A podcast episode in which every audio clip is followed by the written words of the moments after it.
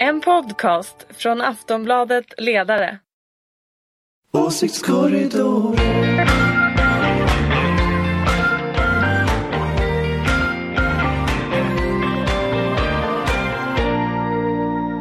Där säger jag återigen varmt välkomna till Åsiktskorridoren. Det är trångt, det är mysigt. Karin Magnusson heter jag, är redan svettig och innan vi lämnar er för påsk så ska vi göra en, ja, en politisk rättning av veckan som har gått. Med mig eh, från Aftonbladets ledarredaktion så har jag denna vecka Somar Elnar och eh, Irene Wennemo. Tack så mycket. Eh, Alnar, jag sa fel där. Jag ber om ursäkt Somar. Hur är läget med er? Det är bra, det är snart påsk. Ja, strålande. Eller hur? Det är bara vädret som saknas. Eh, det ska bli otroligt skönt. Men eh, vi ska klargöra en sak som vi gör i början av programmet också. Jag har ju ingenting med er att göra. Nej, du är verkligen väldigt noga med att påpeka det. Jag har Ja. inget med er att göra. Jag är ju bara programledare. Jag står inte bakom er en åsiktsbildning på något vis. Den får ni klara själva. Hörni, kan vi inte börja direkt med Sverigedemokraternas eh, arbetsplatsturné och tur- eller verklig, turné i verkligheten kan man säga. Den går ju sådär. Eh, Jimmy Åkesson eh, har ju gjort försök att eh, besöka till exempel sjukhus i Umeå. Där har arbetsplats, där har anställda protesterat. Det har också hänt på skolor. I veckan var det stora protester i Malmö. När SD-ledaren skulle besöka sjukhus och en brandstation. Brandmännen de, på passet de såg till att de skulle vara någon annanstans när det här hände. Hörru, eh, Somar, jag tänker vinner inte bara Sverigedemokraternas offerroll på de här protesterna? Nej det tror jag inte. Jag tror att det är väldigt stärkande att se att det finns många som står upp för en annan åsikt och eh, ja, men är eh, emot eh, faktiskt. Jag tror det är stärkande. Är det, Eh, tror du kommer det se ut så här nu i valrörelsen för Jimmy Åkesson att dörrarna stängs framför näsan på honom? Ja, alltså ja, det, det, det, det verkar som att fler arbetsplatser vågar eh, stå emot. Eh, och jag tycker på ett sätt att det, ansvaret ligger på Jimmy Åkesson. Varför tvingar han sig på arbetsplatser som inte vill ha honom? Det är ju det man måste fråga. Vad håller han på med? Eh, snarare Vad än tror du vad- han håller på med? men jag tror att han söker efter kanske den här offerrollen. Men jag tror inte den funkar för de har faktiskt makt nu till skillnad från tidigare när de har försökt skapa sig den här offerrollen. De är faktiskt en del av etablissemanget nu. Och det är konstigt att man förväntar sig att folk ska rulla ut röda mattan så fort man vill liksom träda in någonstans. Och vad, vad skulle ni göra för han ville besöka ledarredaktionen? När vi skulle... Nu får ni tänka efter. Ja, precis. Ja. Eh, Jag vet inte, det är sällan folk vill komma till oss men eh, det är lite sorgligt faktiskt det hela. Eh, Det är ingen som vill visa upp sig med oss. Eh, Men jag tycker allmänt att det är också liksom, Det har blivit väldigt mycket att man ska göra arbetsplatsbesök från politiska partier, inte bara SD. Där det handlar väldigt mycket om bara att man, ett fototillfälle. Man vill synas i den här miljön och så bli fotograferad och få media. Men är du inte cynisk nu? Nej. Det där handlar väl också om att man vill de inte lära sig genuint lära sig om hur Sverige fungerar? Nej, jag tror att det är verkligen, alltså ja, jag tror det är mer fototillfälle än, än lära sig, det måste jag säga. Så att det är, jag- vet inte och jag, jag tycker att man måste som, som medborgare och anställd kunna säga så här, nej men jag har ingen lust att vara ett fototillfälle tillsammans med den här politikern. Och det handlar inte bara om Jimmy Åkesson, även om det, det, han retar ju upp väldigt många fler. Men det är lite så här, litet otyg det där att man bara ska liksom, det är inte, ja det är väldigt mycket fototillfälle över de här besöken tycker jag.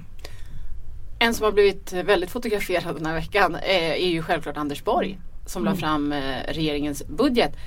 Man tog satsar på skolan 3,8 miljarder 2015, 21,7 miljarder fram till 2018. Det här kan du ju inte tycka är dåligt Irene. Du menar det? Va? Nej men skolsatsningen är väl bra. Jag menar man har ju lagt sig eller man kan säga så här, man kan väl diskutera dem i detalj. Men det är klart att skolan behöver mer resurser. Det är jag inte emot.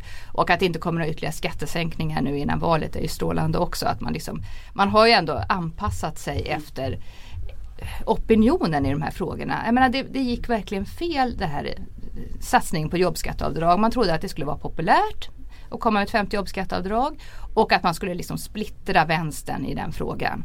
Och först verkar det lite grann så att man liksom, det ändå blev splittring inom socialdemokratin och mycket diskussioner. Men sen har ju faktiskt eh, Moderaterna verkligen fått problem med den här frågan. Det var liksom inte ens i deras eget parti fanns det någon entusiasm för en skattesänkning till. Man höjer ju skatten på snus och cigg. Det är väl jättebra Somar?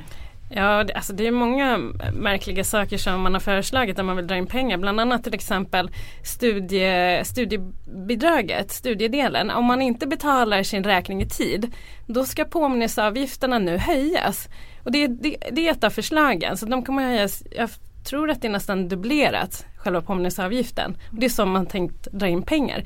Och det säger också någonting om eh, hur Men nu gled du undan från folkhälso, folkhälsoinsatsen i att man höjer skatten på snus och cigg. Det, det, är väl en bra åtgärd? Folk kommer bli friskare, tror ni inte det? Ja, det, men det, problemet är väl det med det förslaget. Det är väl om, om man lämnar snus och börjar röka istället. Och det, det är faktiskt en, en rimlig men invändning. Då är man ju en idiot, ursäkta. Jo, men så, sådana finns det många gott om med tanke på att vi har ganska många rökare kvar ändå. Så att, ja, jag, jag har inte, vi har inte kritiserat den här höjningen mm. av skatten på tobak på, mm. på ledarsidan. För det är klart att helt oproblematiskt är det ju inte att, att lägga så mycket mer på snus och mm.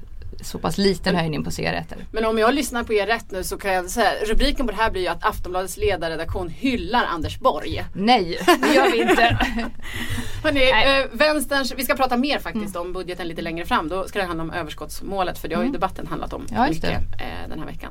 Vänstern har presenterat sitt valmanifest. Eh, sjukförsäkringen ska få höjda ersättningsnivåer, omfatta fler. Eh, bostadsbristen ska byggas bort med 40 000 bostäder om året. Järnvägsinvesteringarna ska öka kraftigt och storskaligt försök med avgiftsfri kollektivtrafik ska genomföras. Eh, vem kan säga nej till denna generositet Somar? Nej men det är, det är en bra fråga. Det du är låter... lite sugen på att byta parti när du hör det här? Nej men det är, liksom, det är klart att det här är framtidsfrågor som många tror på och framförallt i kontrast till ja, den borgerliga politiken som har gått åt motsatt håll. Uh, så det är klart att det är, vänstern är väldigt tydliga med vad de vill och det tror jag kommer att gynna valrörelsen. Mm. Faktiskt, ett tydligt alternativ. Vänstern är väldigt tydlig. Hur jobbig är Jonas Sjöstedt för Stefan Löfven, Irene? Jag tror inte han är så jobbig faktiskt. Alltså, på något sätt är det så att de här sats satsningarna som, som vänstern vill och sen det här fokus på vinst i välfärden. Det är lite grann att, att antingen måste man ta med dem i en regering efter valet om nu det blir en majoritet för de rödgröna.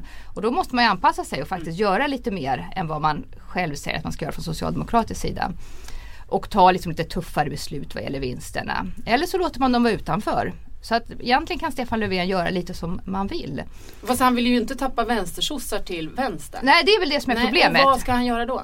Ja nej men det är väl det som vi tycker att man har blivit alldeles för liksom, man har blivit väldigt duktig faktiskt på att, att locka före detta moderatväljare över till Socialdemokraterna och liksom försvaga Moderaterna. Fast samtidigt så verkar man liksom, det läcker också då vidare till vänstern och till Miljöpartiet. För att Socialdemokraterna ligger ju blickstilla i opinionen. De har inte fått några flera väljare trots att det har gått så oerhört dåligt för, för Moderaterna och regeringen. Somar, du ska ju lämna oss nu för att Irene ska sitta kvar själv här och bli opponerad på. Japp, ja, så du får ta påsklov Somar. Mm, tack så jättemycket. Tack Glad själv. påsk på er.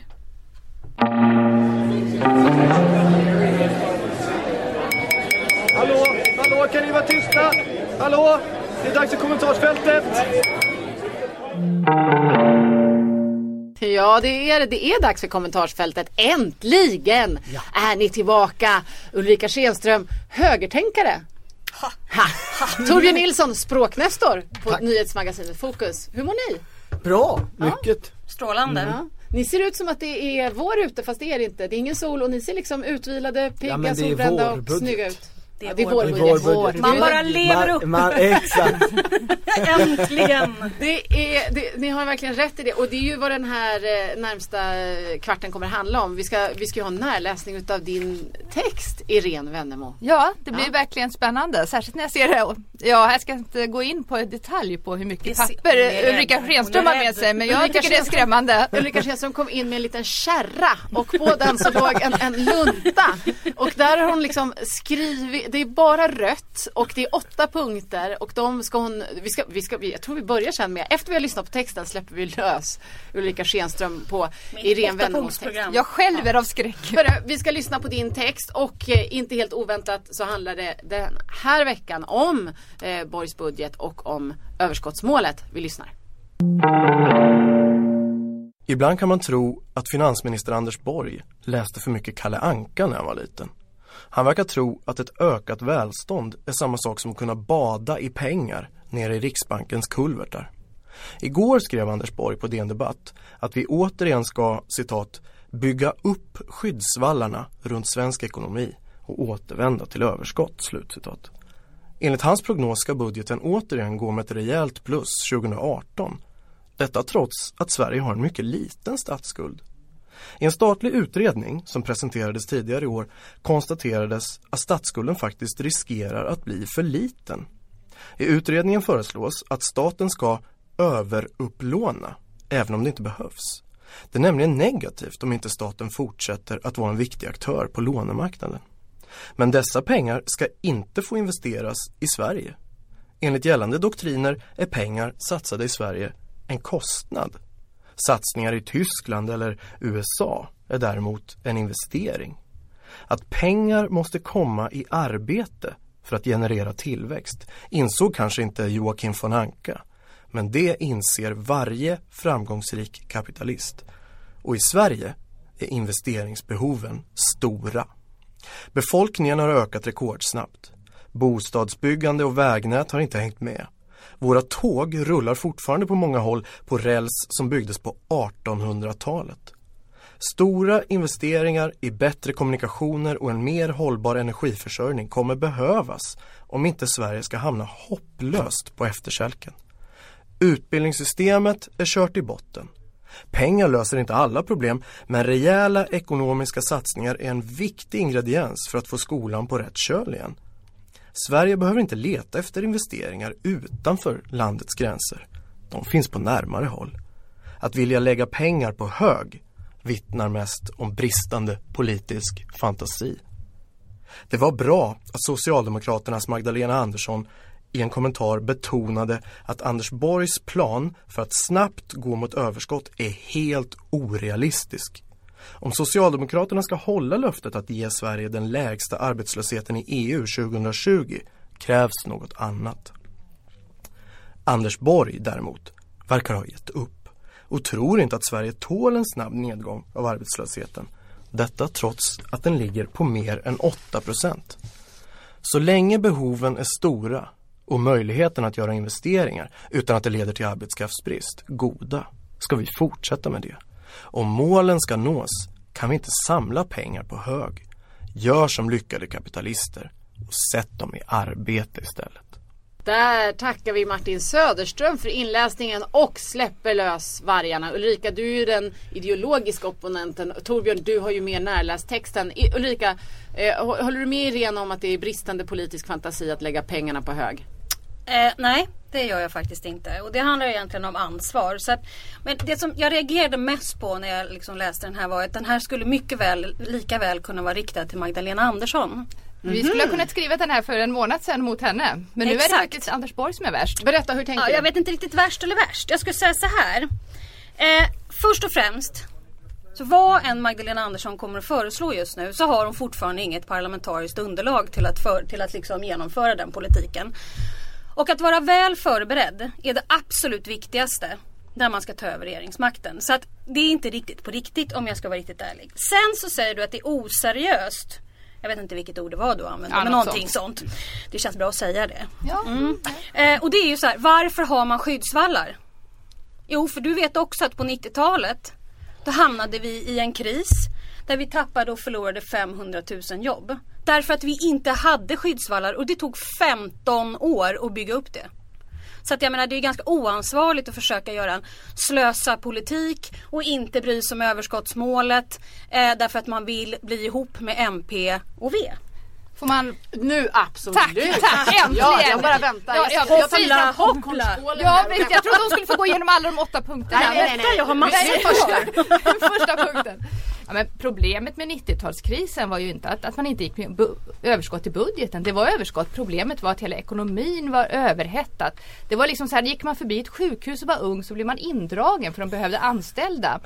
Mm. det gick inte att hålla sig arbetslös även om man men ville. Men oavsett vad så var det så att man ändå förlorade och man hade inga skyddsvallar. Man kunde jo, inte, nej, men det, det var, var överhettad som... ekonomi och nu har vi en helt nedkyld ja, ekonomi. Fast du vet ju också att enligt de finanspolitiska ramarna så bör man liksom få igång det hela med energi genom jobb och välfärdspolitik, eller hur? Men det är nu nu behöver man stimulera ekonomin i det här Exakt. läget. Inte spara pengarna Men nu hög. säger du emot Magdalena Andersson. Ja, det gör vi. Vi har faktiskt haft den linjen hela våren. Okej. Jaha, jag trodde bara var den här jag skulle kommentera. Nej, Vi, vi släpper in, du, du, har ju, du har ju sju punkter kvar på ditt program. Nej, nu är det bara fem. Fem punkter kvar Ulrika. Vi släpper in Torbjörn emellan. Ja men tack. Eh, jag tyckte att det här var en ganska välformulerad, eh, sansad text. Eh, det är ju inte alltid Aftonbladets ledarsida levererar det. Eh, men det intressanta här, och det tycker jag liksom blir lite tecknet här när man ska försöka säga vem är det som är Anders Borg, vem, vem är Magdalena Andersson, vem och vem är inte alls. Det är ju det att det är ju större skillnad mellan nationalekonomerna och politikerna idag än vad det är mellan politikerna Hur menar du då? i, i de här frågorna. Ja, men alltså, de allra flesta nationalekonomer av rang i, i Sverige idag säger ju att överskottsmål måste slopas eller bör slopas eller som Claes Eklund som skriver i vår tidning eh, kommer slopas nästa mandatperiod. Han, han hävdar att Både Anders Borg och Magdalena Andersson kommer göra tvärt emot vad de säger. De för att de, de kommer slopa överskottsmålet nästa mandatperiod och, och Claes Eklund lovar att äta upp sin hatt. Om, om detta inte sker. Och då kommer vi faktiskt till någon av mina käpphästar som inte är en av mina åtta punkter här. utan de här käpphästarna. Att S är helt besatta av M och M är helt besatta av S. Och samtidigt är det tre andra partier som vinner genom att de pratar kanske visioner, vilja och inte överskottsmål och så vidare. För det är nämligen väldigt få som förstår vad de egentligen pratar om. Nej, men det är då- extremt tekniskt. Nej, men jag håller verkligen med dig. Alltså, Magdalena Andersson och Anders Borg för en diskussion som bara de för ungefär. Mm. Och så några av deras kompisar. Medan alla andra liksom i svensk ekonomi, alla nationalekonomer tycker något helt annat. Vi på Aftonbladets Men ledarsida varför håller de något- fast, va- varför men- håller de fast Jo, vid det då? Det är de- Göran de- Perssons fel. Torbjörn, nu, vänta, nu får Torbjörn, eh, Torbjörn är den eh, osaklighetens röst. Ja, men nu får alltså, han förklara detta. Det, det, det, detta liksom budgetreglerna och överskottsmålet som, som var vägen eh, för liksom budgetsaneringen på 90-talet har så småningom satt sig hos folk som det enda sättet som man kan vara ansvarsfull eller, eller skicklig med statens pengar. Och Göran Persson sålde så att säga in det här lite för bra för att nu tycker folk att det är, vore helt jättekonstigt så det är att, att ta bort det fast det liksom Men hur finns man- forskningsmässiga då skäl för att göra det. Hur ska man göra när man Ja, då måste man ju göra någonting som varken eh, Anders Borg eller Magdalena Andersson vill göra särskilt mycket, nämligen utmana opinionen. Och säga ni har faktiskt fel här, svenska folket. Men Jag ska förklara för er varför ni har fel. pedagogisk uppgift, alltså och- och den- i så fall. Ja absolut. Och så länge de sitter och tjötar varandra eh, på sitt lilla nationalekonomiska rum så, så funkar ju inte den, för det, det, det paradoxala blir då att då låter de som nationalekonomer fast sådana nationalekonomer finns inte i övrigt utanför politiken idag för de tycker någonting annat. Ja, nej, men det här handlar ju ganska mycket om psykologi tror jag från sossarna egentligen. Därför att under de krisåren, jag menar Moderaterna har också varit med i krisår i allra högsta grad. Men de åren under kris eh, så leddes faktiskt inte Socialdemokraterna av några som var väldigt duktiga på finanspolitik. Nu har man några som är bra på det ändå. Men det är någon slags ångest på något sätt att man måste utmana Anders Borg. Och därför lägger man sig just på de frågor som han också är ansvarig för. På sånt jättefokus. Och det beror ju också på att man vinner ett val oftast på Ja, ni har hört mig säga det 3000 gånger. Ekonomi, jobb, välfärd. Och jag menar, den som är bäst och känns mest ansvarsfull. Men man kan ju säga att Magdalena. Andersson har ju verkligen fått Anders Borg ur balans för att han, han hade ju egentligen en, en faktiskt vettigare linje i de här frågorna tidigare. Nu har han blivit, nu låter han ännu värre än, än Magdalena Andersson vad gäller hur mycket man ska strama åt. Varpå alla ekonomer kommer ju hacka honom i ryggen för detta. Så förut hade han ekonomerna möjligtvis på sin sida och sossarna och svenska folket som tyckte det där lät rimligt och bra mot sig. Nu har han liksom fått eh, lagt sig liksom på andra sidan Magdalena Andersson och får alla ekonomer emot sig. Vilket jag tror att kommer vara ett problem. Men det är ju för att det är en tävling om ansvar. Ja. Men vem kommer vinna? Vem vinner den här tävlingen då?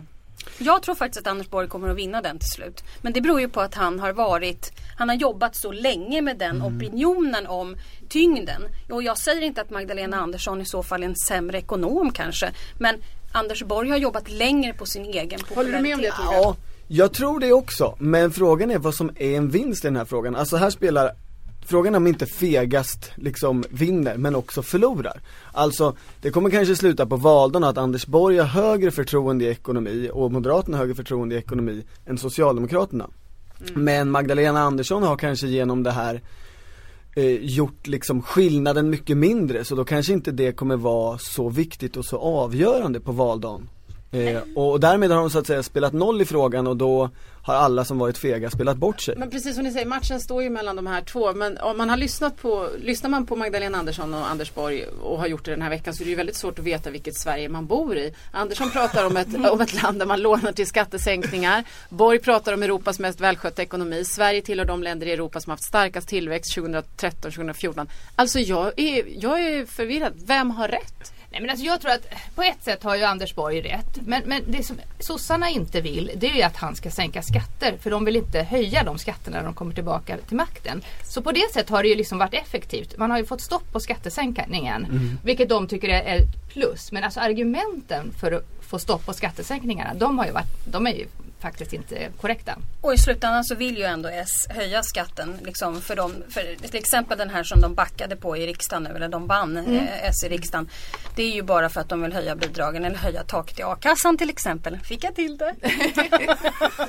Ulrika, vi, vi, vi har ju inte all tid i världen på oss. När vi, eh, jag undrar, hur går det med ditt eh, program där, åttapunktsprogrammet? Har du Ja. betat igenom dina Nej jag har punkter? inte gjort det men jag gör så här liksom. Jag kommer tillbaka vet du. Du kommer tillbaka. Du blir inte av med mig. Eh, Torbjörn Nilsson, eh, Ja. den här liknelsen med Joakim von Anka och finansministern, vad säger du om den? Ja men den tyckte jag, den tyckte jag funkade. Eh, jag var in, inte alls lika metaforkritisk som jag var förra veckan mot Karin Pettersson. Eh, utan, eh, Tack så det här- mycket. Det jag glädjer tyckte det var mig. rimligt. Du tycker det här var en av de bättre texterna från Aftonbladets ledarredaktion? Är det så jag ska tolka dig? Ja men det, det, det fanns inte så mycket liksom nu. sidohugg och konstiga grejer och inte jättemycket överdrifter och sådär. Lite, Ja. den, den är, man kan säga så här om man skulle vara elak då, eh, vilket väl är uppgiften. Att på sitt sätt så var den här artikeln nästan lika feg som Anders Borgs och Magdalena Anderssons politik i den här frågan. Aj, Irene! Det där måste gjort ont. Oj, vad händer nu? Jag var in, nu, nu tog jag i. Men eh, det var väl uppgiften.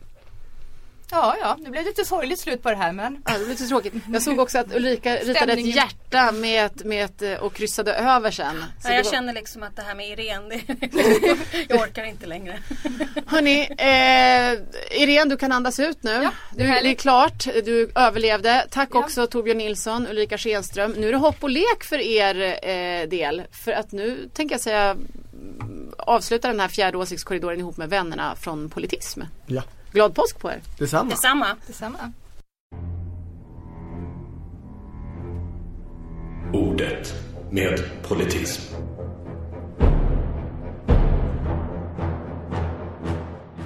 Den är så oerhört eh, hotfull den här vignetten. Det har blivit dags för ordet eh, och också PK-granskningsnämnden med vännerna från Politism, Erik och Margret. Hej på er! Hallå där! Halloj. Halloj! Hur mår ni? Det var fan bra tror jag. Ja. Jag Jag har knappt sett skymten av er den här veckan. Ni, ni, var har ni varit? Ni har suttit och jobbat? Vi har Med varit- dörren stängd? Suttit och jobbat med dörren stängd, varit Ja. inne i zonen. Verkligen in i zonen. Ja. Erik Rosén, eh, Margret Atladotter. Det är underbart i alla fall att vi får tillbringa de här minuterna tillsammans. Hörni, den här veckan, vi börjar helt enkelt med PK-granskningsnämnden. Vad vill ni uppmärksamma den här veckan? Ja, alltså vi, brukar, vi brukar titta på startsidorna på Aftonbladet och Expressen och den här gången handlar det kanske inte lika mycket om att räkna puffar som att diskutera ett fenomen som är vanligt i medier i allmänhet men kanske, kanske om man får sträcka sig så långt lite vanligare i kvällstidningar. Mm. Eh, och det är någonting som vi kallar för fat-shaming journalistik.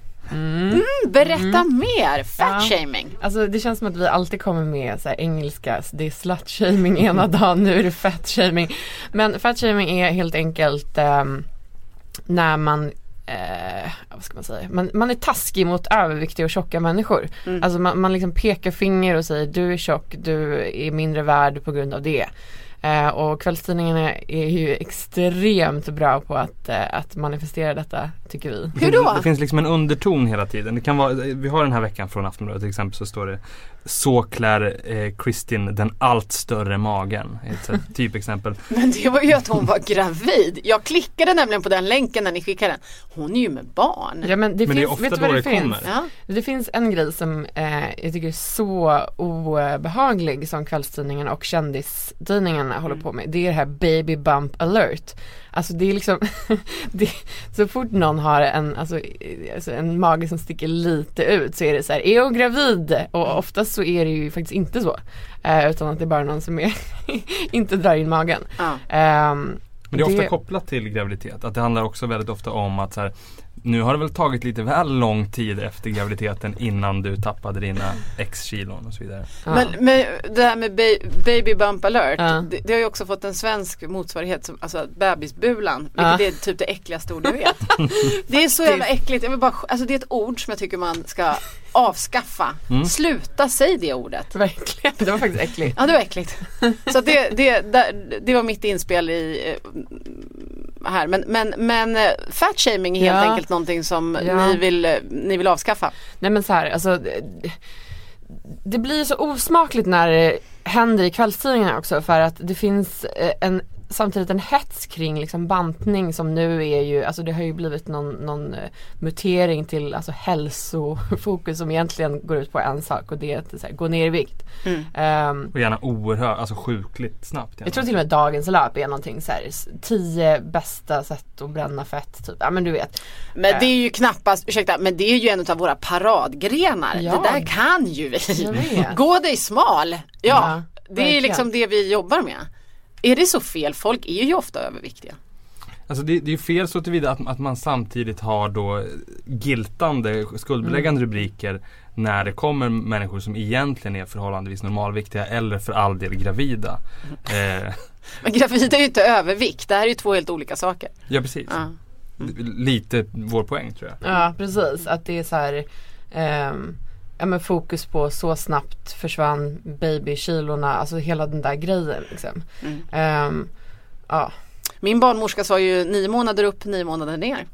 Och det har jag alltid tänkt sedan dess.